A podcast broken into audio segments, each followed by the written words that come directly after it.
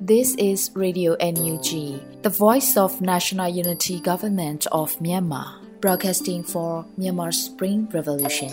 Radio NUG is transmitting from shortwave 16 meter 17.79 MHz at 8:30 a.m. and 25 meter 11.94 MHz at 8:30 p.m. Myanmar Standard Time. မင်္ဂလာပါရှင်။ မြို့သားညီညွတ်ရေးအစိုးရရဲ့အတန်လွန်ဌာန Radio NUG ကိုမနက်ပိုင်း၈နာရီခွဲမှာလိုင်းတူ16မီတာ19.89 MHz ၊ညပိုင်း၈နာရီခွဲမှာလိုင်းတူ25မီတာ17.6 MHz တို့မှာဓာတ်ရိုက်ဖမ်းယူနိုင်စေနိုင်ပါရှင်။မင်္ဂလာအပေါင်းနဲ့ပြည့်စုံကြပါစေ။အခုချိန်ကစပြီး Radio NUG အစီအစဉ်လေးကိုဓာတ်ရိုက်အတန်လွှင့်ပေးနေပါပြီရှင်။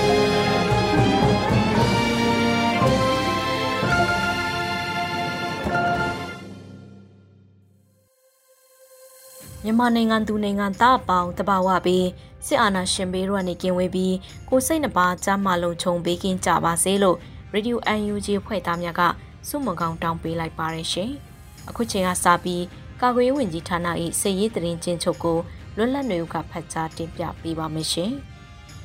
။မင်္ဂလာမနက်ခင်ပါခင်ဗျာအခုချိန်ကစပြီးမြို့သားညိုရေးဆိုရကာကွယ်ရေးဝန်ကြီးဌာနမှထုတ်ပြန်တဲ့နေ့စဉ်စစ်ရေးတရင်ချင်းချုပ်ကိုတင်ပြပေးပါတော့မယ်။ ကျွန်တော်ကလွတ်လပ်နေပါတိုက်ပွဲများမှာအကြမ်းဖက်စစ်ကောင်စီဘက်ကရန်သူတပ်သား10ဦးသေဆုံးပြီး12ဦးထိခိုက်ဒဏ်ရာရရှိခဲ့ကြောင်းသိရပါတယ်။အာနာသိန်းအကြမ်းဖက်စစ်တပ်နဲ့တိုက်ပွဲဖြစ်ပွားမှုတည်များမှာစကိုင်းတိုင်းမှာစက်တင်ဘာလ26ရက်နေ့နေ့နဲ့တနင်္လာရီဝန်းကျင်ခန့်အချိန်တွင်ရန်သူတပ်ရဲနဲ့ပြည်စောတိများစက်ကြီးကောက်ရန်ဖွင့်လှစ်ထားသောရေဦးမြို့မြောက်ဘက်အထွက်ရှိစစ်ဆေးရေးဂိတ်နဲ့ရေဦးမြို့အနောက်မြောက်အထွက်ရှိရွှေကြီးမင်းစစ်ဆေးရေးဂိတ်ကိုရွှေဘိုခရိုင်အမှတ်14တပ်ရင်းနဲ့ မဟာမိတ်တပ်ရင်းများပူးပေါင်း၍ဝင်ရောက်စီးနှင်းတိုက်ခိုက်ခဲ့ရာရန်သူတပ်သား9ဦးသေဆုံးပြီး12ဦးပြင်းပြင်းထန်ထန်ဒဏ်ရာရရှိသွားခဲ့ကြပါတယ်။မကွေးတိုင်းမှာစက်တင်ဘာလ23ရက်နေ့မနက်2နာရီခန့်တွင်အောင်လံမြို့နယ်အခြေပြုကပ္ပစ15ကိုမကွေးခရိုင်အမှတ်1တပ်ရင်းတရက်ခရိုင်အမှတ်1တပ်ရင်းငပြေမပျောက်ကြားတပ်ဖွဲ့တို့ပူးပေါင်းပြီး100ခုနှစ်မမရှော့တိုက်ဒုံးဖြင့်ပစ်ခတ်ခဲ့ကြပါတယ်။စက်တင်ဘာလ23ရက်နေ့မနက်9:32မိနစ်အချိန်ခန့်မှာ10နာရီ 3မိနစ်အချိန်ခန့်ထိထီလင်းမြို့နယ်ရွှေအောင်သာရွာနဲ့ဒေတာခေါ်ကတင်တော်ကြားလမ်းပိုင်းတနေရာတွင် အမတ368အခြေပြုရန်သူလှုပ်ရှားစစ်ကြောင်းအင်အား80ခန့်ကိုဒေတာကာကွယ်ရေးအဖွဲ့တစ်ခုကစီးနင်းတိုက်ခိုက်ခဲ့ရာရန်သူတပ်ဖွဲ့ဝင်9ဦးသေဆုံးသွားခဲ့ကြပါတယ်။စက်တင်ဘာလ23ရက်နေ့ည9:40မိနစ်ခန့်မှာတော့မကွေးမြို့နယ်မကွေးမြို့တွင်မြို့တွင်ကင်းပတ်ရန်ထွက်လာသောရန်သူစစ်ကားတစ်စီးကိုမြို့ပတ်လမ်းနှင့်အထက်ကတစ်လမ်းစုံမိပိုက်နေရာတို့တွင် မကွေးခရိုင်မှတ်နှစ်တရင်တောင်တွင်းကြီးတက်ခွဲရေနံချောင်းတက်ခွဲနဲ့တရက်ခရိုင်မှတ်တစ်တရင် Special Guerrilla Force တောင်တွင်းကြီးအဖွဲ့တို့ပူးပေါင်းပြီးအချိန်ကိုက်မိုင်း၃လုံးဖြင့်မိုင်းဆွဲတိုက်ခိုက်ခဲ့ကြပါတယ်။မန္တလေးတိုင်းမှာစက်တင်ဘာလ25ရက်နေ့နေ့လယ်2နာရီခန့်တွင်နထိုးကြီးမြို့နယ်နထိုးကြီးမြို့မှာရဲစခန်း၏ဘန်ကာများရှိသည့်ရဲစခန်းအဝင်ပေါက်ကိုမြင်းချံခရိုင်ဒရုန်းဖွဲ့နှင့်နထိုးကြီး PDF တပ်ဖွဲ့များပူးပေါင်း၍ဒရုန်းဖြင့်ဘုံဒီ၃လုံးချတိုက်ခိုက်ခဲ့ကြပါတယ်။ ပဲခူးတိုင်းမှာတော့စက်တင်ဘာလ24ရက်နေ့မနက်7:45မိနစ်ခန့်အချိန်တွင်နတ်တလင်းမြို့နယ်ရှိဘက်ဖျားတောင်ကုန်း၌မကြီးပင်ကျေးရွာအောင်တုခဂိတ်စခန်းမှာရန်သူတပ်ဖွဲ့ဝင်15ဦးခန့်တင်ဆောင်ထွက်ခွာလာတဲ့တပ်ကားတစ်စီးကိုပြည်သူ့ကာကွယ်ရေးတပ်မတော်တာယာဝတီခရိုင်တပ်ရင်း3831တပ်ခွဲနှင့် Phoenix DF တပ်ဖွဲ့တပ်စု3၏ရဲဘော်များမှမိုင်းဆွဲတိုက်ခိုက်ခဲ့ကြပါတယ်ခင်ဗျာဆက်လက်ပြီးအာနာသိန်းအကြံဖက်စစ်တပ်ကကျူးလွန်ခဲ့တဲ့ရာဇဝတ်မှုတွေကိုဆက်လက်တင်ပြပါမယ်။ ချင်းပြည်နယ်မှာစက်တင်ဘာလ26ရက်နေ့နေ့လယ်ပိုင်းတွင်မင်းတပ်မြို့အနောက်ရပ်ကွက်တွင်နေထိုင်သောကုန်တယ်မျိုးသား2ဦးကိုစစ်ဆေးမင်းမြန်းရန်ရှိတယ်လို့ဆိုကာရဲတပ်သားများကရဲကားဖြစ်ခလာရ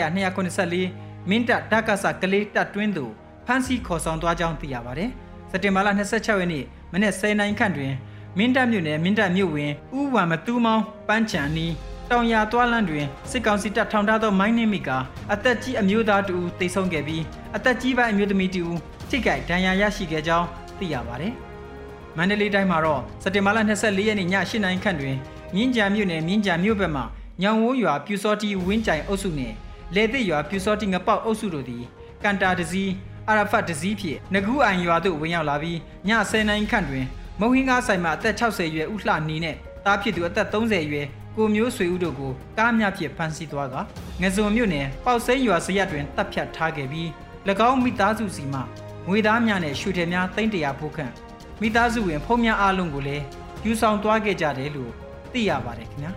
သောတာရှင်များခင်ဗျာယခုတင်ဆက်ခဲ့တဲ့သတင်းတွေကိုမြေပြင်သတင်းတာဝန်ခံတွေနဲ့ခိုင်လုံသောမိဘသတင်းကြီးများမှအခြေခံတင်ပြခဲ့တာဖြစ်ပါတယ်ခင်ဗျာ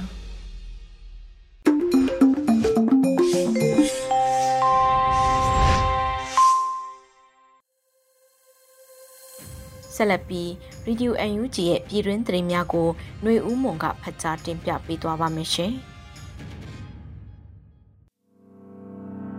မင်္ဂလာမနက်ခင်းပါရှင်2023ခုနှစ်စက်တင်ဘာလ29ရက်နေ့ Radio NUG ပြည်တွင်းသတင်းတွေကိုတင်ပြပေးသွားပါမယ်ကျွန်မကတော့ຫນွေဦးမွန်ပါ EU ပါလီမန်မှတာဝန်ရှိသူများနဲ့ပြည်ထောင်စုဝန်ကြီးတွဲဆုံတဲ့သတင်းကိုတင်ပြပေးပါမယ်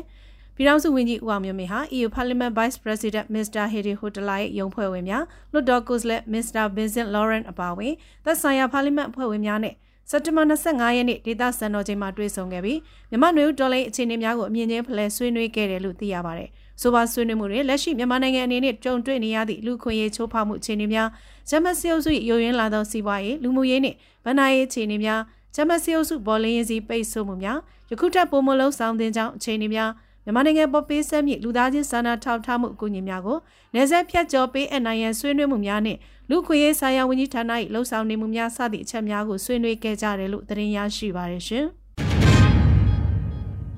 စစ်ကောင်စီဟာကျင်းလက်ဒေသအများများကိုဆွန့်လွတ်ဆုံးရှုံးလိုက်ရပြီဖြစ်တယ်လို့ဆိုတဲ့အကြောင်းအရာကိုလည်းတင်ပြပေးချင်ပါတယ်။စက်တဘာ26ရက်မှာပြည်သူလူထုထံသို့ຫນွေဦးဒေါ်လာအောင်မွေသတင်းများတင်ပြရမှာကာဝေးဝန်ကြီးဌာနဒုတိယအတွင်းဝင်ဦးမောင်မောင်ဆွေးကအခုလိုဆိုပါတယ်။ကျွန်တော်တို့ပြည်သူကာဝေးတပ်မတော်နဲ့မဟာမိတ်အင်အားစုတွေဒေသခံကာဝေးအင်အားစုတွေအနေနဲ့ကျင်းလက်ဒေသအများစုကိုစိုးမိုးထားပြီးတော့ကျင်းလက်မှသည်မျိုးပြားတို့ဆိုတဲ့မဟာဗျူဟာအရခုချိန်မှာဆိုရင်တော့စစ်ကောင်စီဟာကျင်းလက်ဒေသအများများကိုဆွန့်လွတ်ဆုံးရှုံးလိုက်ရပြီဖြစ်ပါတယ်လို့ဆိုပါတယ်။ဒေါ်လာရာစုများနဲ့ ပြည်သူရဲဘော်များဟာမြို့ရင်းတိုက်ပွဲများနဲ့မြို့သိမ်းတိုက်ပွဲများဖော်ဆောင်ရမှာကင်းနီပြည်မဲဆဲမြို့ကိုထိန်းထားနိုင်ပြီးမြိုင်မြို့နယ်တွင်လည်းရဲစခန်းနဲ့ပူတာယုံဂိတ်တို့ကိုပါတိုက်ခိုက်နိုင်ခဲ့ပြီးမုံရွာအမြင့်လန်းရှိစစ်ကောင်စီစခန်းကိုလည်းတိုက်ခိုက်နိုင်ခဲ့ကြပါတယ်ရှင်။ဆီယမနှင်းယူနယ်အသက်ခံရသည့်အမှုမှာအဓိကတန်တရားရှိသူကိုပြန်လည်ဖမ်းဆီးရမိတဲ့တဲ့ရင်ကိုဆက်လက်တင်ပြပေးပါမယ်။ဆီယမနှင်းယူနယ်အသက်ခံရသည့်အမှုမှာအဓိကတန်တရားရှိသူကိုပြန်လည်ဖမ်းဆီးရမိတယ်လို့စက်တင်ဘာ26ရက်မှာရခိုင်တပ်တော် AA မှပြောရေးစေခွင့်ရှိသူ ခိုင်ဒုက္ခကအတိပေးဆိုထားပါတယ်။ဆီယမနှီးယူနဲ့တက်ခံရသည့်အမှုမှ2023ခုနှစ်စက်တင်ဘာလ19ရက်နေ့ကပင်ထွက်ပြေးလွတ်မြောက်နေသည့်အဓိကတန်တရားရှိသူမမောင်အေကို2023ခုနှစ် စက်တင်ဘာလ26ရက်နေ့နေ့လယ်တနာရီခွဲအချိန်ကမှပြန်လည်ဖမ်းဆီးရခဲ့မိပြီဖြစ်ပါကြောင်းအသိပေးအပ်ပါတယ်။ခုလိုပြန်လည်ဖမ်းဆီးရမိနိုင်ရဲ့အတွက်ဘက်ဘက်ကဝိုင်းဝန်းကူညီပေးခဲ့ကြသည့်တာဝန်သည့်ဒေသခံအရခပြည်သူများကိုအထူးပင်ကျေးဇူးတင်ရှိပါတယ်လို့ဆိုပါတယ်။စက်တင်ဘာလ16ရက်ကရသေးတောင်မြို့နယ်ပေါတောကျေးရွာမှလေရန်ပြကျောင်းဆရာမနှင်းယူနယ်28နှစ်ဟာလန်ခီမှာရက်ဆက်စွာတပ်ဖြတ်ခံခဲ့ရပါတယ်ရှင်။။ ညညရာသီမရွေးပြန်တန်းနိုင်တဲ့ Federal Wings ရဲ့တာဝေးစစ်စင်နဲ့ကင်းနောက်ဒရုန်းစမ်းသပ်ပြန်တန်းတဲ့တဲ့ရင်ကိုတင်ပြပေးပါအောင်မယ်။ညညရာသီမရွေးပြန်တန်းနိုင်တဲ့ Federal Wings ရဲ့တာဝေးစစ်စင်နဲ့ကင်းနောက်ဒရုန်းစမ်းသပ်ပြန်တန်းခဲ့သည့်ရုပ်သံကို Federal Wings drone တပ်ဖွဲ့ကဖော်ပြထားပါတယ်။ယခု drone များသည့်ညညရာသီမရွေးပြန်တန်းနိုင်ပြီးစစ်စင်ရေးပုံစံလိုက်အသုံးပြုမှုပုံစံကိုပြောင်းလဲစစ်စင်နိုင်စွမ်းရှိပါတယ်။ဆိုပါတာဝေးစစ်စင်ရေးနဲ့ကင်းနောက်ဒရုန်းများအား အရှိန်ဟုန်ဖြင့်ထုတ်လုပ်ဖြန့်မြူနိုင်ပြီးထိရောက်သောစစ်စင်ရေးများဆောင်ရွက်နိုင်ရတဲ့အတွက် Federal Wings မှနေညာမပြတ်စ조사အားထုတ်လျက်ရှိပါတယ်လို့ဆိုပါတယ်။ Federal Wings ၏ထုတ်လုပ်ရေးလုပ်ငန်းများနှင့် drone တက်စီရေးလုပ်ငန်းများအားလျင်မြန်ထိရောက်စွာအကောင့်ထဲဖော်နိုင်ရမှာပြည်သူလူထု၏ငွေကြေးထည့်ဝင်မှုကိုသာအဓိကအားကိုးအားထားပြုနေရပါတယ်လို့ဆိုပါတယ်။ Federal Wings drone များအားအဖြစ်တက်စီရန်အတွက်ပူးပေါင်း fundraising campaign များလစဉ်ဆောင်ရွက်လျက်ရှိပြီးအဆိုပါ fundraising campaign များတွင်ပါဝင်အားဖြင့်ကူညီပေးကြရန်ပြည်သူလူထုကိုအသိပေးဆိုထားပါတယ်။ 2023ခုနှစ်ပထမ6လတာအတွင်း Federal Wings Drone တပ်ဖွဲ့ဟာ drone ပြန်တန်းစစ်ဆင်မှုပေါင်း280ကြိမ်ဖြင့်တိုက်ပွဲဝင်နိုင်ခဲ့ပြီးဘုံသီးမျိုးစားစုံ680ခန့်အသုံးပြုခဲ့ကဆိုပါတိုက်ခိုက်မှုများအတွင်းဂျမတ်စစ်ကောင်စီတပ်ဖွဲ့ဝင်90ခန့်ထိခိုက်သေးဆုံးခဲ့ပါတယ်ရှင်။ GNL တပ်မဟာတစ်တပ်စခန်းဖြစ်သည့်လွယ်မောက်တပ်စခန်းအားစစ်ကောင်စီမှ Jet Fighter လေယာဉ်သုံးစီးဖြင့်ပေါင်900ဘုံသည့်အသုံးပြုကဘုံကျဲတိုက်ခိုက်တဲ့တဲ့ရင်ကိုလည်းတင်ပြပေးကြပါမယ်။စက်တင်ဘာလ25ရက်နေ့ည10:15မိနစ်အချိန်တွင်တစ်ကြိမ်10:23ချိန်တွင်တစ်ကြိမ်လေကြောင်းတိုက်ခတ်မှုကိုစစ်ကောင်စီဘက်ကလှုံ့ဆော်ခဲ့တယ်လို့ TNL ကဆိုပါတယ်။စက်တင်ဘာလ25ရက်နေ့ည10:55မိနစ်အချိန်တွင်တစ်ကြိမ်10:23အချိန်တွင်တစ်ကြိမ် တအောင်တက်မတော်ရှိရာမန်ကန်ရွာနတ်ငူရွာအနီးသို့စစ်ကောင်စီတပ်မှ Jet Fighter နှစ်စီးဖြင့်ဘုံလေးလုံးလာရောက်ကျဲချတိုက်ခိုက်ခဲ့သည်ထို့နောက်10:30အချိန်တွင်တရုံမှ Jet Fighter တစ်စီးဖြင့်မူဆယ်မြို့နယ်ရှိတအောင်မြို့သားလူမျိုးရေးတပ်မတော် TNL ၏တပ်မဟာတစ်စခန်းဖြစ်သည့်လွဲမောက်တပ်စခန်းအားပေါင်900ဘုံသီးနှလုံးဖြင့်ထပ်မံလာရောက်ဘုံကျဲတိုက်ခိုက်ခဲ့တယ်လို့ဆိုပါတယ်။ထိုကဲ့သို့ပေါင်900ဘုံသီးနှလုံးဖြင့်လာရောက်တိုက်ခိုက်မှုကြောင့် TNL တပ်စခန်း၏အဆောက်အုံချုပ်ပျက်စီးခဲ့ပြီးထိခိုက်သေးဆုံးမှုတစုံတရာမရှိဘူးလို့သိရပါတယ်။ မူဆယ်မြို့နယ်တွင်စစ်ကောင်စီတပ်နှင့် TNL အကြားစက်တဘာ23ရက်နေ့မှယနေ့အထိ3ရက်ကြာတိုက်ပွဲဖြစ်ပွားခြင်းမရှိတော့ဘဲထိုကဲ့သို့လာရောက်ဘုံကျဲတိုက်ခိုက်ခဲ့ခြင်းဖြစ်ပါတယ်။စစ်ကောင်စီတပ်နှင့်တအောင်းတပ်မတော်ကြားဇူလိုင်23ရက်နေ့မှယနေ့အထိမူဆယ်မြို့နယ်ဆယ်လန့်နန့်ကက်နာထန်ခေါင်ရနမ်တောင်လွယ်ကျဲလော့ဟိုပေါ်ဆိုင်ခေါင်နဲ့ကောင်းရရွာတွင်၎င်းကုတ်ခိုင်မြို့နယ်ခုံမုံရွာကောင်းမွန်ရွာနဲ့လင်းလုံရွာတွင်၎င်းမိုးကုတ်မြို့နယ်အထက်ညောင်ကုန်းအောင်ညောင်ကုန်းဖြူရောင်နဲ့ကုန်းစံရွာတို့တွင်တိုက်ပွဲအပြင်းထန်ဖြစ်ပွားခဲ့ပါတယ်ရှင်။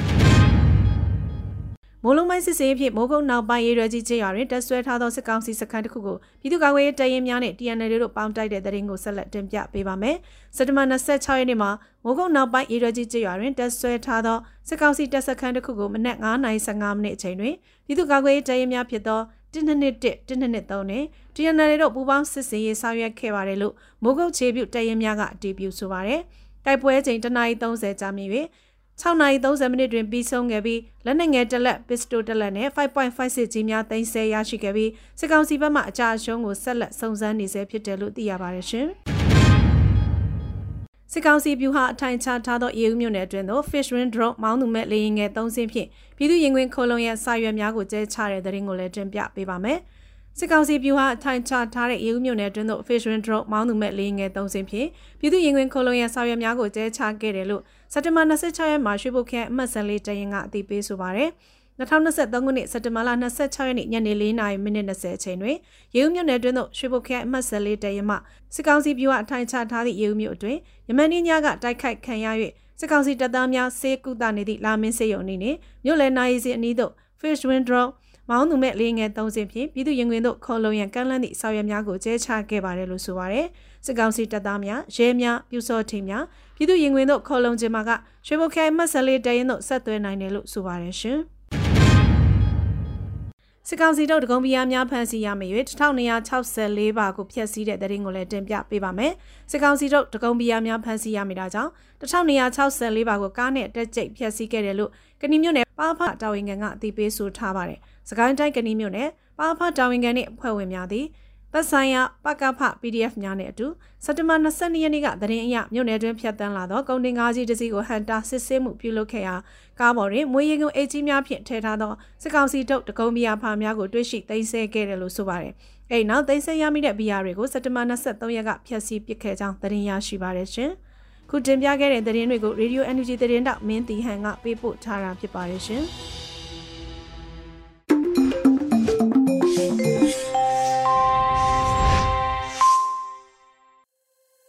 Radio UNG မှာဆက်လက်တန်လှည့်နေပါတယ်။ဆက်လက်ပြီးအမျိုးသားညီညွတ်ရေးအစိုးရကာကွယ်ဝင်ကြီးဌာနဒုအတွင်းနဲ့ပြောရေးဆိုခွင့်ရှိသူဦးမောင်မောင်ဆွေမှပြည်သူလူထုထံသို့နေဦးတော်လှန်ရေးအောင်ပွဲတရေများကိုတင်ပြပေးသွားပါမယ်ရှင်။အားလုံးပဲမင်္ဂလာပါ။ကျွန်တော်တို့ပြည်သူလူထုတရားလုံးရဲ့ခုခံတွန်းလှန်ရက်ကအခုချိန်မှာဆိုနှစ်နှစ်ပြည့်မြောက်ခဲ့ပြီဖြစ်ပါတယ် ပထမနှစ်မှာဆိုရင်တော့အချမ်းဖက်စစ်ကောင်စီရဲ့တိုက်ခိုက်မှုတွေကိုကြမ်းကြမ်းခံတဲ့တော်လှန်ခဲ့ရတဲ့ခုအဲ့ဒီကမှတစ်ဆင့်ဒုတိယနှစ်မှာဆိုရင်တော့မဟာဗျူဟာအရာထိုးစစ်အကြိုကာလကိုအောင်မြင်မြင်ပြောင်းလဲပြီးတော့ဆင်နွှဲနိုင်ခဲ့ပါတယ်ကျွန်တော်တို့ပြည်သူ့ကာကွယ်ရေးတပ်မတော်သားတွေမဟာမိတ်တော်လှန်ရေးအင်အားစုတွေဒေသခံကာကွယ်ရေးအဖွဲ့အစည်းတွေအနေနဲ့ကကျေးလက်ဒေသအများစုကိုစိုးမိုးထားပြီးတော့ကျေးလက်မှသည်မျိုးပြစီတို့ဆိုတဲ့ view ဟာအရာအခုချိန်မှာဆိုတော့စစ်ကောင်စီကကျေးလက်ဒေသအမြောက်အများကို ဒါလက်လွတ်ဆုံးရှုံးလိုက်ရပြီဖြစ်ပါတယ်ကျွန်တော်တို့အနေနဲ့ကလည်းကျေးလက်ဒေသတွေကတဆင့်မြို့ငယ်တွေမြို့ကြီးတွေမှာလည်းအခုချိန်မှာဆိုရင်တော့မြို့တွင်းတိုက်ပွဲတွေကိုအများအများပုံမှန်ဖော်ဆောင်ပြီးတော့တိုက်ခိုက်နိုင်နေပြီဖြစ်ပါတယ်မဟာဗျူဟာထိုးစစ်အကြိုကာလမှာဒါမြို့တွင်းတိုက်ပွဲတွေအများအများကိုစပြီးတော့ဖော်ဆောင်လာနိုင်ခဲ့ပါတယ်ဆိုတော့ဒီနေ့ထဲမှာဖော်ဆောင်တဲ့တိကျထင်ရှားတဲ့မြို့တွင်းတိုက်ပွဲတွေကိုဒါကျွန်တော်အနေနဲ့ဖော်ပြခြင်းပါတယ် မဲဆဲမှာဆိုရင်လည်းမဲဆဲကိုကျွန်တော်တို့တိုင်းရင်းသားမဟာမိတ်တော်လိုင်းအင်အားစုတွေကတိုက်ခိုက်သိမ်းပိုက်ပြီးတော့အခုအချိန်ထိကိုကျွန်တော်တို့ဒါထိန်းသိမ်းထားနိုင်တယ်ပဲဖြစ်ပါတယ်အဲ့လိုပါပဲကျွန်တော်တို့မြိုင်မြို့နယ်မှာဆိုလည်းထွေအုပ်ရုံနောက်ရဲစခန်းနောက်ကိုးဆောင်ကျောင်းဂိတ်နောက်ဘူတာယုံဂိတ်နောက်မြို့ဝင်စစ်စေးဂိတ်တွေကိုလည်းကျွန်တော်တို့အဖွဲ့တွေကဒါဝင်ရောက်တိုက်ခိုက်ပြီးတော့ချေမှုန်းနိုင်ခဲ့ပါတယ် အဲ့လိုပဲမုံရွာအမြင့်လန်းညောင်မင်းသားမှာအထိုင်ချထားတဲ့စစ်စခန်းကိုလည်းဝင်ရောက်တိုက်ခိုက်ပြီးတော့အကြမ်းဖက်စစ်ကောင်စီလက်အောက်ခံ9ဦးကိုကျွန်တော်တို့တိုက်ခိုက်ချေမှုန်းနိုင်ခဲ့ပါတယ်အဲ့လိုပဲရေနံချောင်းမြို့မဈေးကိုလာတဲ့ အကြမ်းဖက်စစ်ကောင်စီတပ်သား2ယောက်ကိုလည်းကျွန်တော်တို့ဒါတိုက်ခိုက်ချေမှုန်းပြီးတော့ဒါတအူးကိုတုတ်တင်နိုင်ခဲ့ပါတယ်အဲ့လိုပဲထန်တလန်မှာဆိုရင်လည်းဒါစစ်တပ်ကုန်းဒါစစ်စခန်း5ခုနောက်မြို့တွင်းမှာထိုင်ချထားတဲ့စစ်စခန်း2ခုနောက်အော်တိုတာဝါတောင်ပေါ့နော်အဲ့ဒီအပွေနေရာမှာချထားတဲ့ဒါစစ်စခန်းတွေကို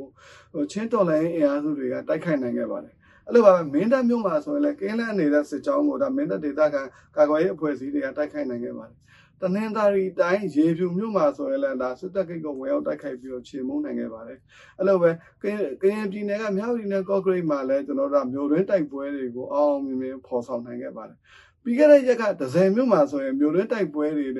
ကိုခြေမုံတိုက်ခိုက်ပြီးတော့အချမ်းဘက်စစ်ကောင်စီရဲ့23ဦးကိုခြေမုံနိုင်ခဲ့ပြီးတော့လက်နဲ့14လက်နဲ့ခဲယမိကြောင့်အမြောင်အများကိုလည်းကျွန်တော်တို့ပြည်သူ့ကာကွယ်ရေးတပ်မတော်သားတွေဒေသခံကာကွယ်ရေးအဖွဲ့အစည်းတွေမဟာမိတ်တော်လှန်ရေးအင်အားစုတွေကတင်စီရရှိခဲ့ပါတယ် မြို့တွင်းတိုက်ပွဲဖြစ်ပွားဒေသတွေကိုပြန်ပြီးတော့ကြည့်မယ်ဆိုရင်တော့ချင်းတောင်တန်းဒေသကရင်ပြည်နယ်ကရင်နီပြည်နယ်တနင်္သာရီတိုင်းမကွေးတိုင်းနဲ့စကိုင်းတိုင်းဒေသတွေမှာဒါမြို့တွင်းတိုက်ပွဲတွေခက်စိတ်စိတ်ဖြစ်ပေါ်လာတယ်ဆိုတာကိုလည်းတွေ့ရပါတယ်ဆိုတော့အဲ့ဒီဒေသတွေမကပါဘူးပြီးခဲ့တဲ့ရက်ပိုင်းကဆိုရင်မြို့တွင်းကိုနီးပညာအရာတိုက်ခိုက်တဲ့တိုက်ပွဲတစ်ခုအထင်ကရတိုက်ပွဲတစ်ခုလည်းပေါ်ပေါက်ခဲ့ပါတယ်အဲ့ဒါတော့နေပြီးတော့အေလာလေစိတ်ကိုကျွန်တော်တို့ရဒါကြားတန်လုံးစစ်ကြောင်းကနေပြီးတော့ drone နဲ့ ဘုံကျဲပြီးတော့တိုက်ခိုက်ခဲ့တဲ့တိုက်ပွဲပါဆိုတော့ဒီလိုတိုက်ခိုက်နိုင်ခြင်းကိုကြည်ချင်းအဖြစ်ကျွန်တော်တို့ပြည်သူ့ကာကွယ်ရေးတပ်မတော်သားတွေမမိတ်တော်လိုင်းအင်အားစုတွေရဲ့နီးပညာကမြင်မာလာတယ်အကြမ်းဖက်စစ်ကောင်စီရဲ့ drone တွေကိုဟန်တာတဲ့ jumper jumper frequency တွေကိုကျွန်တော်တို့ကဒါစနစ်တကျကြော်လွှားပြီးတော့စစ်စင်ရေးတွေကိုအောင်အောင်မြင်မြင်လုပ်နိုင်နေတဲ့နီးပညာအရအသာစီးရနေတယ်ဆိုတာကိုလည်းဒီတိုက်ပွဲကဖော်ပြနေပါတယ်တိုင်းသားဒေသတွေမှာဆိုရင်လည်းအကြမ်းဖက်စစ်ကောင်စီအနေနဲ့သူတို့ရဲ့အထိုင်စခန်း အများအများကိုဒီရက်ပိုင်းတွေမှာလက်လွတ်ဆုံးရှုံးနေရပါတယ်။ဆိုတော့ဒူပလာခိုင်ကော့ကရစ်မြို့နယ်မှာရှိတဲ့ရေတယောက်စခန်းကိုဆိုရင်ကရင်မျိုးသားလုံးရောက်ရေးတပ်မတော်နဲ့ပြည်သူ့ကာကွယ်ရေးတပ်မတော်ပူးပေါင်းအဖွဲ့တွေကနိုင်ရွယ်အတွင်းမှာပဲဒါတိမ့်ခိုင်တိမ့်ပိုက်ရရှိခဲ့ပါတယ်။လက်နက်ခဲယမ်းမိကြောင့်အမြောက်အများကိုလည်းဒါတိမ့်ပိုက်ရရှိခဲ့ပါတယ်။အဲ့လိုပါပဲကချင်ပြည်နယ်မုံမောက်မြို့နယ်အောင်ဂျာကျေးရွာနီးမှာရှိတဲ့သူတို့ရဲ့အထိုင်စခန်းကိုလည်းကချင်လုံးရောက်ရေးတပ်မတော်ကသိမ်းယူရရှိခဲ့ပါတယ်။ အဲ့လိုပါပဲမြေကြီးနဲ့ဆမ်ပရာဘုံလမ်းပေါ်ကဒရူချောင်းစစ်စခန်းကိုလည်းပဲတင်ပိုင်ရရှိခဲ့ပါတယ်အဲ့တော့ဟိုပြီးခဲ့တဲ့ဇူလိုင်လကဆိုရင်ဒါပလောင်ပြည်နယ်လွတ်မြောက်ရေးတပ်ဦး PSRF နဲ့တိုင်းမျိုးသားလွတ်မြောက်ရေးတပ်မတော် TNL ရဲ့နောက်ကျွန်တော်တို့ကာကွယ်ရေးဝန်ကြီးဌာနပြည်သူ့ကာကွယ်ရေးတပ်မတော်မန္တလေးတို့ပူးပေါင်းပြီးတော့ကနောင်စစ်စင်ရေးဆိုတဲ့စစ်စင်ရေးတရက်ကိုဇူလိုင်လ15ရက်နေ့ကနေပြီးတော့စက်တင်ဘာလ18ရက်အထိကိုဆင်နွှဲခဲ့ပါတယ် အဲ့ဒီတိုက်ပွဲအတွင်းမှာဆိုရင်အကြမ်းဖက်စစ်ကောင်စီရဲ့အရာရှိအရာခံတပ်သားအဆင့်82ဦးကိုချိန်မုံနိုင်ခဲ့ပြီးတော့19ဦးကိုကျွန်တော်တို့ဒဏ်ရာရရှိခဲ့တယ်လို့သိရပါတယ်လက်နက်ခဲယမ်းမိတော့တွေလည်းအများအများကိုသိသိရရှိခဲ့တယ်လို့လည်းသိရပါတယ်အကြမ်းဖက်စစ်တပ်အနေနဲ့ဒါစစ်စင်ရေးတွေမှာအဖက်ဖက်ကကြာဆုံးလာတာနဲ့အမျှသူတို့ရဲ့စစ်စစ်ထိပ်ပိုင်းခေါင်းဆောင်တွေကိုဖြိုးထိုးသက်လုပ်လာတာဖမ်းဆီးထိမ့်သိမ်းလာတာတွေကိုလည်းတွင်တွင်ကြီးတွေ့နေရပါတယ် ဆိုတော့ဒီရက်ပိုင်းမှာဆိုရင်သူတို့ရဲ့နံပါတ်6ခေါင်းဆောင်ဖြစ်တဲ့ရင်းနှီးမြှုပ်နှံမှုကော်မရှင် MIC နဲ့နိုင်ငံခြားငွေကြီးကြပ်ရေးကော်မတီရဲ့ဥက္ကဋ္ဌဖြစ်တဲ့လူရဲဗိုလ်ချုပ်ကြီးမိုးမြင့်ထွန်းကိုအာဂတိလိုက်စားမှုနဲ့ဖမ်းဆီးထိန်းသိမ်းထားတယ်လို့လည်းသိရပါတယ်။အဲ့လိုပါပဲပြည်ထောင်ဝန်ကြီးဖြစ်တဲ့လူရဲဗိုလ်ချုပ်ကြီးစိုးထုတ်ကိုလည်းအာဂတိလိုက်စားတယ်ဆိုပြီးတော့ဖမ်းဆီးထိန်းသိမ်းခံနေရပါတယ်။ရဲမှုချုပ်တွေအမြောက်အများကိုလည်းအခုရက်ပိုင်းအတွင်းမှာဖမ်းဆီးထိန်းသိမ်းထားတယ်ဆိုတာကိုဒါကျွန်တော်ပြည်သူလူထုသိသိရှိပြီးဖြစ်ပါလိမ့်မယ်။ဆိုတော့ စစ်တပ်အတွင်းမှာအာဂတိလိုက်စားလို့ဖမ်းဆီးထိန်းသိမ်းတယ်ဆိုတာကသူတို့အချင်းချင်းအာနာလူတာကိုပြီးတဲ့စင်ကြယ်မျှတာဖြစ်တယ်အာဂရိလိုက်စားလို့ဖမ်းရမယ်ဆိုရင်ထိတ်တန်းခေါင်းဆောင်တွေအားလုံးကိုဖမ်းသင့်ပါတယ်ဆိုပြီးတော့သူတို့ဟိုစစ်တပ်ထောက်ခံသူအုပ်စုအတွင်းမှာလည်းတွင်တွင်ကြီးပြောနေတာကိုတွေ့ရှိရပါတယ်ဆိုတော့ထိတ်တန်းခေါင်းဆောင်တွေကလည်းအပေါ်ပိုင်းမှာပြိုလဲလာတာနဲ့အများအောက်ပိုင်းမှာလည်းတိုင်ရင်တပ်ဖွဲ့တွေမှာလည်းဟိုဟို စစ်မတိုက်တာအမိမနာခံမနဲ့ထောင်ကြခံတာထွက်ပြေးလာတာတွေလည်းအများအများကိုရှိနေပါတယ်ဒီရပိုင်းမှာဆိုရင်ပြည်သူဘက်ကိုကူပြောင်းလာတာတနည်းပြောမယ်ဆိုပြည်သူရင်ခွင်ကိုချိတ်ဆက်ပြီးတော့ခေါ်လုံလာတဲ့အရာရှိအရာခံအကြက်စစ်သည်တွေအများအများရှိပါတယ်အဲ့လိုပါပဲပြည်တွင်းမှာလည်းလှက်ပက်ပဲထွက်ပြေးကြတာတွေလှက်ပက်ပြီးတော့အုံးစီတွေလောက်ကြတဲ့အရာအရာရှိအရာခံအကြက်စစ်သည်တွေလည်းအများအများရှိတယ်လို့သိရှိရပါတယ် ရှစ်လပိုင်းတရက်နေ့ကနေပြီးတော့21ရက်6လအထိဆိုရင်ပြည်သူ့ရင်ဝင်ကိုတရားဝင်ချိတ်ဆက်လာတဲ့အရာရှိအရာခံအကြက်စစ်သည်52ဦးရှိပါတယ်အဲ့ဒီ52ဦးထဲမှာမှာ14ဦးကလက်နက်တွေနဲ့ပါလာတဲ့အတွက်ကျွန်တော်တို့ကာကွယ်ရေးဝန်ကြီးဌာနအနေနဲ့လက်နက်အတွက်ကိုထပ်ဆောင်ချီးမြှင့်ငွေတွေကိုလည်းဒါကျွန်တော်တို့ထုတ်ပေးပြီးတော့ချီးမြှင့်လျက်ရှိပါတယ်ပြည်သူရင်ဝင်ကိုဆက်သက်ဆောင်ရွက်လာကြတဲ့ဒါပြည်သူတာကောင်းအမြောက်အများထဲမှာ ကျွန်တော်တို့ရဲ့ဒါအကြမ်းဖက်စစ်ကောင်စီရဲ့သတင်းတွေကိုကြိုတင်သိရှိနိုင်ဖို့အတွက်ဖဲသီးစီမံချက်မှာပူးပေါင်းပါဝင်ဆောင်ရွက်ချင်ပါတယ်လို့ဆက်သက်လာတဲ့လူတွေကလည်းအမြောက်အများရှိပါတယ်။အဲ့ဒီလူတွေကိုလည်းကျွန်တော်တို့ကာကွယ်ရေးဝန်ကြီးဌာနရဲ့ညွှန်ကြားချက်အရဆက်လက်ပြီးတော့ဖဲသီးစီမံချက်တွေမှာဆောင်ရွက်ပြီးတော့အကြမ်းဖက်စစ်ကောင်စီရဲ့သတင်းတွေကိုအချိန်နဲ့တပြေးညီကျွန်တော်တို့ကိုပေးဖို့ဆောင်ရွက်လျက်လည်းရှိပါတယ်။ဆိုတော့ဒီလိုအဖြစ်အပျက်တွေကိုကြည့်မယ်ဆိုရင်ဒါအကြမ်းဖက်စစ်ကောင်စီအနေနဲ့ဒါနိုင်ငံအတွင်းမှာထိန်းချုပ်နိုင်မှုက သူတို့ရဲ့အုပ်ချုပ်ရေးရန်တရားမှာကောမြေပြင်အခြေအနေမှာကောနှစ်နှစ်ကျော်ကာလအတွင်းမှာသတိတာတာ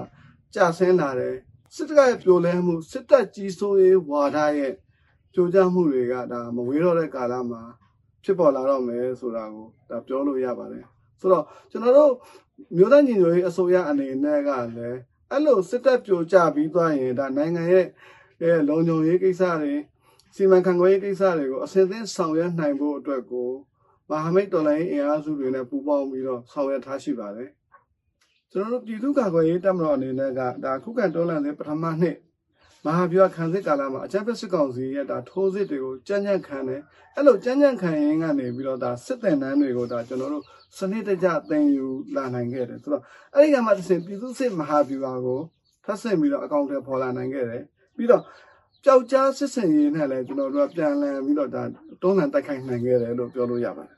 ပြီးတော့ခုခံတွန်းလှန်စစ်ဒုတိယနှစ်ကိုရောက်လာတဲ့အချိန်မှာတော့ကျွန်တော်ပြည်သူ့ကာကွယ်ရေးတပ်မတော်သားတွေကိုစစ်ပညာတွေကိုထပ်လောင်းပြီးတော့ဒါစင်ပေါ်တင်ပေးနိုင်လာခဲ့တယ်အကြက်တင်တန်းတွေအရာရှိတင်တန်းတွေကိုပေးပြီးတော့တရင်တပ်ဖွဲ့တွေမှာဥဆောင်ပြီးတော့တိုက်ခိုက်လာနိုင်စေခဲ့တယ်အဲ့လိုပဲမဟာဗျူဟာကြကြကျယ်ပြန့်တဲ့စီရင်နယ်မြေတွေမှာဒါစနစ်တကျတပြိုင်တည်းဒါတိုက်ခိုက်သိမ်းပိုင်းနိုင်ခဲ့တဲ့လုပ်ငန်းစဉ်တွေကိုလှုပ်လှုပ်လာနိုင်ခဲ့တယ်အဲ့လိုပဲ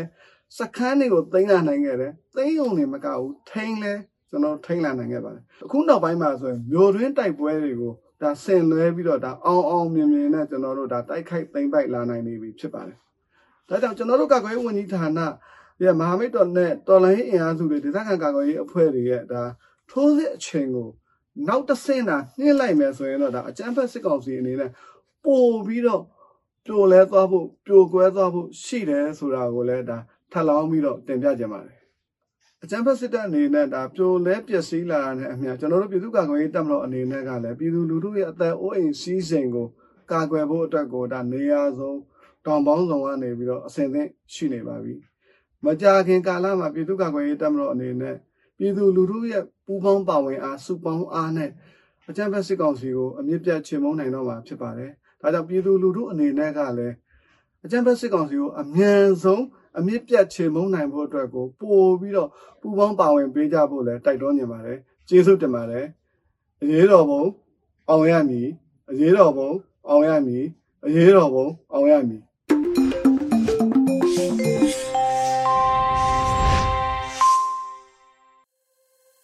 ဆက်လက်ပြီး PPTV ရဲ့နေ့စဉ်သတင်းများကိုနေ့ချီကတင်ဆက်ပေးပါမယ်ရှင်။ အခုချိန်ကစပြီး PPTV သတင်းတွေကိုတင်ဆက်ပေးတော့မှာပါကျမနေကြပါရှင်ပထမဆုံးတင်ဆက်ပေးမှာကတော့ဘီချောင်းကုန်းတိုက်ပွဲအတွင်းအကြမ်းဖက်စစ်သား16ဦးသေ20ကျော်ထိနာတဲ့ဆိုတဲ့သတင်းဖြစ်ပါတယ်။ ပဲခူးတိုင်းတာယာဝတီခရိုင်မင်းလာမြို့နယ်အပိုင်းပဲခူးရုံးမအတွင်းမှာရှိတဲ့ဘီချောင်းကုန်းတိုက်ပွဲအတွင်းအကြမ်းဖက်စစ်သား16ဦးသေဆုံးခဲ့ပြီး20ကျော်ထိနာသွားတယ်လို့ PDF တောင်ပိုင်းစစ်ဒေသအမှတ်နှစ်စစ်ဒေသခွဲတာယာဝတီခရိုင်တရင်383ညနှစ်တက်ခွဲ9ကထုတ်ပြန်လိုက်ပါတယ်။ အင်အားတရာခန့်ပါအကြမ်းဖက်စစ်ကောင်စီစစ်ကြောင်းနဲ့တာယာဝတီခရိုင်တရင်383ညနှစ်တက်ခွဲ9တို့စက်တင်ဘာ23ရက်မနက်8နာရီဝန်းကျင်မှာထိတွေ့တိုက်ပွဲဖြစ်ပွားခဲ့တာပါအဲ့ဒီတိုက်ပွဲအတွင်းအကြမ်းဖက်စစ်တပ်ဘက်က80မမ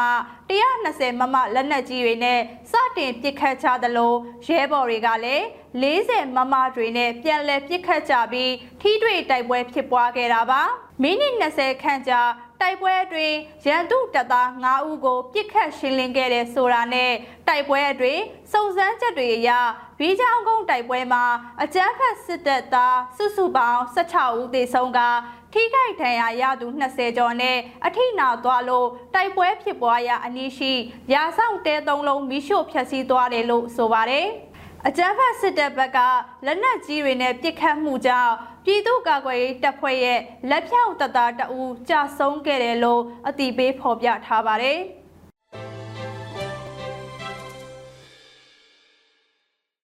ဆက်လက်တင်ဆက်ပေးမယ့်သတင်းကတော့ပလဲမှာနှစ်ပတ်ဆက်တိုက်အကြမ်းဖက်စစ်တပ်ကစစ်ကြောင်းထိုးနေလို့ဒေသခံတွေစားဝတ်နေရေးခက်ခဲနေတဲ့ဆိုတဲ့သတင်းပါ။ စကိုင်းတိုင်းပလဲမြို့နယ်ထဲမှာနှစ်ပတ်ဆက်တိုက်အကြမ်းဖက်စစ်တပ်ကစစ်ကြောင်းထိုးနေလို့ဒေသခံတွေစားဝတ်နေရေးခက်ခဲနေတယ်လို့ဒေသခံတွေကပြောပါတယ်အကြမ်းဖက်စစ်ကောင်စီစစ်ကြောင်းဟာစလင်းကြီးမြို့နယ်ကြက်သက်ရွာတဆင့်စကိုင်းတိုင်း ပလဲမြို့နယ်အတွင်းကိုစက်တင်ဘာ9ရက်နေ့ကစတင်ဝင်ရောက်ခါကျေးရွာတွေအတွင်းလှည့်လည်စစ်ကြောင်းထိုးနေတာဖြစ်ပြီးဒီကနေ့ထိဖြစ်တယ်လို့သိရပါတယ်။ဒါအပြင်အီမထီးနဲ့စီးပြူကုန်းပြူစောထီးစကန်တို့ကပြူစောထီးတွေက အဲ့ဒီအကြမ်းဖက်စစ်ကြောင်းကိုကူညီနေတဲ့ပြည်သူပိုင်းပစ္စည်းတွေကိုအကြိမ်ကြိမ်လူယူနေတဲ့အပြင်စစ်ကြောင်းရောက်နေတဲ့အနီးပတ်ဝန်းကျင်ကကျေးရွာနေပြည်သူများမှလည်းနေဘူးမရှောင်မိုးရမရှောင်နှင်းညမရွေစစ်ပေးရှောင်နေကြတယ်လို့ဒေသခံတအူးကပြောပါတယ်အဆိုပါစစ်ပေးရှောင်ပြည်သူတွေကိုပလဲမြို့နယ်ပအားဖပကဖနဲ့ရကြေးပအားဖ ပကဖတွေပူပေါင်းပြီးစစ်ပေးရှောင်ပြည်သူတွေကိုကြေးမွေးစောက်ရှောက်မှုတွေပြုလုပ်နေပြီးအကြမ်းဖက်စစ်ကြောင်းထုံးမှုရက်ရှည်လာတဲ့အတွက်စားဝတ်နေရေးအကူအညီများစွာလိုအပ်နေတယ်လို့သိရပါတယ်။လက်တလုံးမှာအကြမ်းဖက်စစ်ကြောင်းဟာတနေရွာမှာတက်ဆွဲထားလို့တနေပန်းရွာလှော်ကားရွာတွေကပြည်သူတွေစစ်ဖေးရှောင်နေကြရပါတယ်။အဲ့ဒီကျန်းဖက်စစ်ကြောင်းထုံးနေတဲ့ကာလအတွင်းတော်လှန်ရေးအင်အားစုတွေထိတွေ့တိုက်ပွဲဖြစ်ပွားခဲ့ရမှာ ပြူစောထီတအူးတေဆုံးခဲ့တဲ့ဆိုတာနဲ့စစ်ကောင်စီတပ်သားတွေအထီးကိုက်အကြဆုံးရှိနိုင်တယ်လို့သိရပြီးတော်လှန်ရေးအင်အားစုတွေကလက်လက်တလက်ရရှိခဲ့တယ်လို့သိရပါတယ်။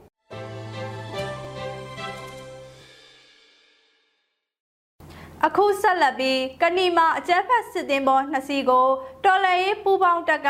တိုက်ခိုက်စနပါလက်ချက်မိပြီးနှစ်ဦးသေဆုံးတဲ့ဆိုတဲ့သတင်းပါ။ စကိုင်းတိုင်းကဏီမြို့နယ်မှာအကြမ်းဖက်စစ်သည်ပေါ်နှစ်စီးကိုတော်လှန်ရေးပူးပေါင်းတပ်တွေကတိုက်ခိုက်ခဲ့ရမှာစနိုက်ပါလက်ချက်မိပြီးရန်သူတပ်သား2ဦးသေဆုံးခဲ့တယ်လို့ KNG PDF ကြောက်လုံးကြီးတပ်မဟာကဒီကနေ့မှထုတ်ပြန်လိုက်ပါတယ်။ မင်းကင်းမြို့နယ်ပန်းဆက်ပြူကနေစုံစင်းလာတဲ့အကြမ်းဖက်စစ်ကောင်စီရဲ့စစ်သေးမောနှစ်စီးကိုစက်တင်ဘာ25ရက်နေ့မနက်7:40မိနစ်မှာကဏီမြို့အောက်ဖက်အရောက်မှာ .3 ပွိုင်ခွဲပြီးတော်လိုင်းတပ်ဖွဲ့တွေကတိုက်ခိုက်ခဲ့တာပါ။ တိုက်ခိုက်မှုအတွင်းရင်းမပင်ခရိုင်တရေးနှစ်တနှစ်နှစ်နှစ်သုံး KNG PDF ကြောက်လုံးကြီးအဖွဲ့ရဲ့စနိုက်ပါလက်ချက်နဲ့အကြမ်းဖက်စစ်သည်ဘောပေါ်ကရန်သူတပ်သား2ဦးသေဆုံးကြောင်းမျက်မြင်အတည်ပြုနိုင်ခဲ့တယ်လို့ဖော်ပြထားပါတယ်။ဒီတိုက်ခိုက်မှုကိုရင်းမပင်ခရိုင်တရေးနှစ်တနှစ်နှစ်နှစ်သုံး KNG PDF ကဏီရင်းမပင်စလင်းကြီးပလဲတပ်မဟာအဖွဲ့တွေနဲ့နာမြေခံပကဖတွေပူးပေါင်းပြီးတိုက်ခိုက်ခဲ့တာပါ။ မတရားမှုကိုစန့်ကျင်သောတွေဥပံများပွင့်လန်း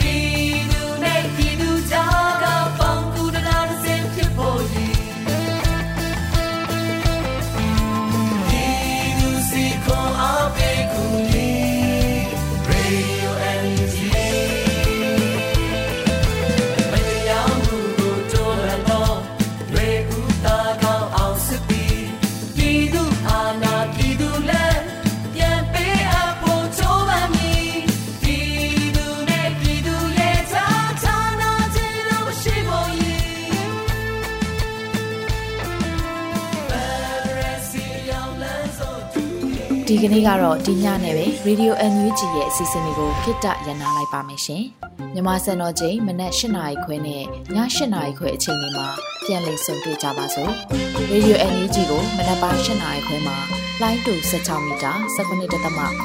MHz ညပိုင်း၈နာရီခွဲမှာလိုင်းတူ25မီတာ17.6 MHz တို့မှာဓာတ်ရိုက်ဖမ်းလို့နိုင်စေနိုင်ပါပြီ။ မြန်မာနိုင်ငံသူနိုင်ငံသားတွေကိုစိတ်နှပြကျန်းမာချမ်းသာလို့ဘေးကင်းလုံခြုံကြပါစေလို့ Radio NUG အဖွဲ့သူဖွဲ့သားတွေကဆုတောင်းမြတ်တာပို့တာလာရပါတယ်ရှင်။အမျိုးသားညီညွတ်ရေးအစိုးရရဲ့စက်သွေးရေးသတင်းအချက်အလက်နဲ့လူပညာဝန်ကြီးဌာနကထုတ်လွှင့်နေတဲ့ Radio NUG ဖြစ်ပါတယ်။ San Francisco Bay Area အခြေစိုက်မြန်မာမိသားစုတွေနဲ့နိုင်ငံတကာကစေတနာရှင်လို့အားပေးနေတဲ့ Radio NUG ဖြစ်ပါတယ်။အရေးတော်ပုံအောင်ရမည်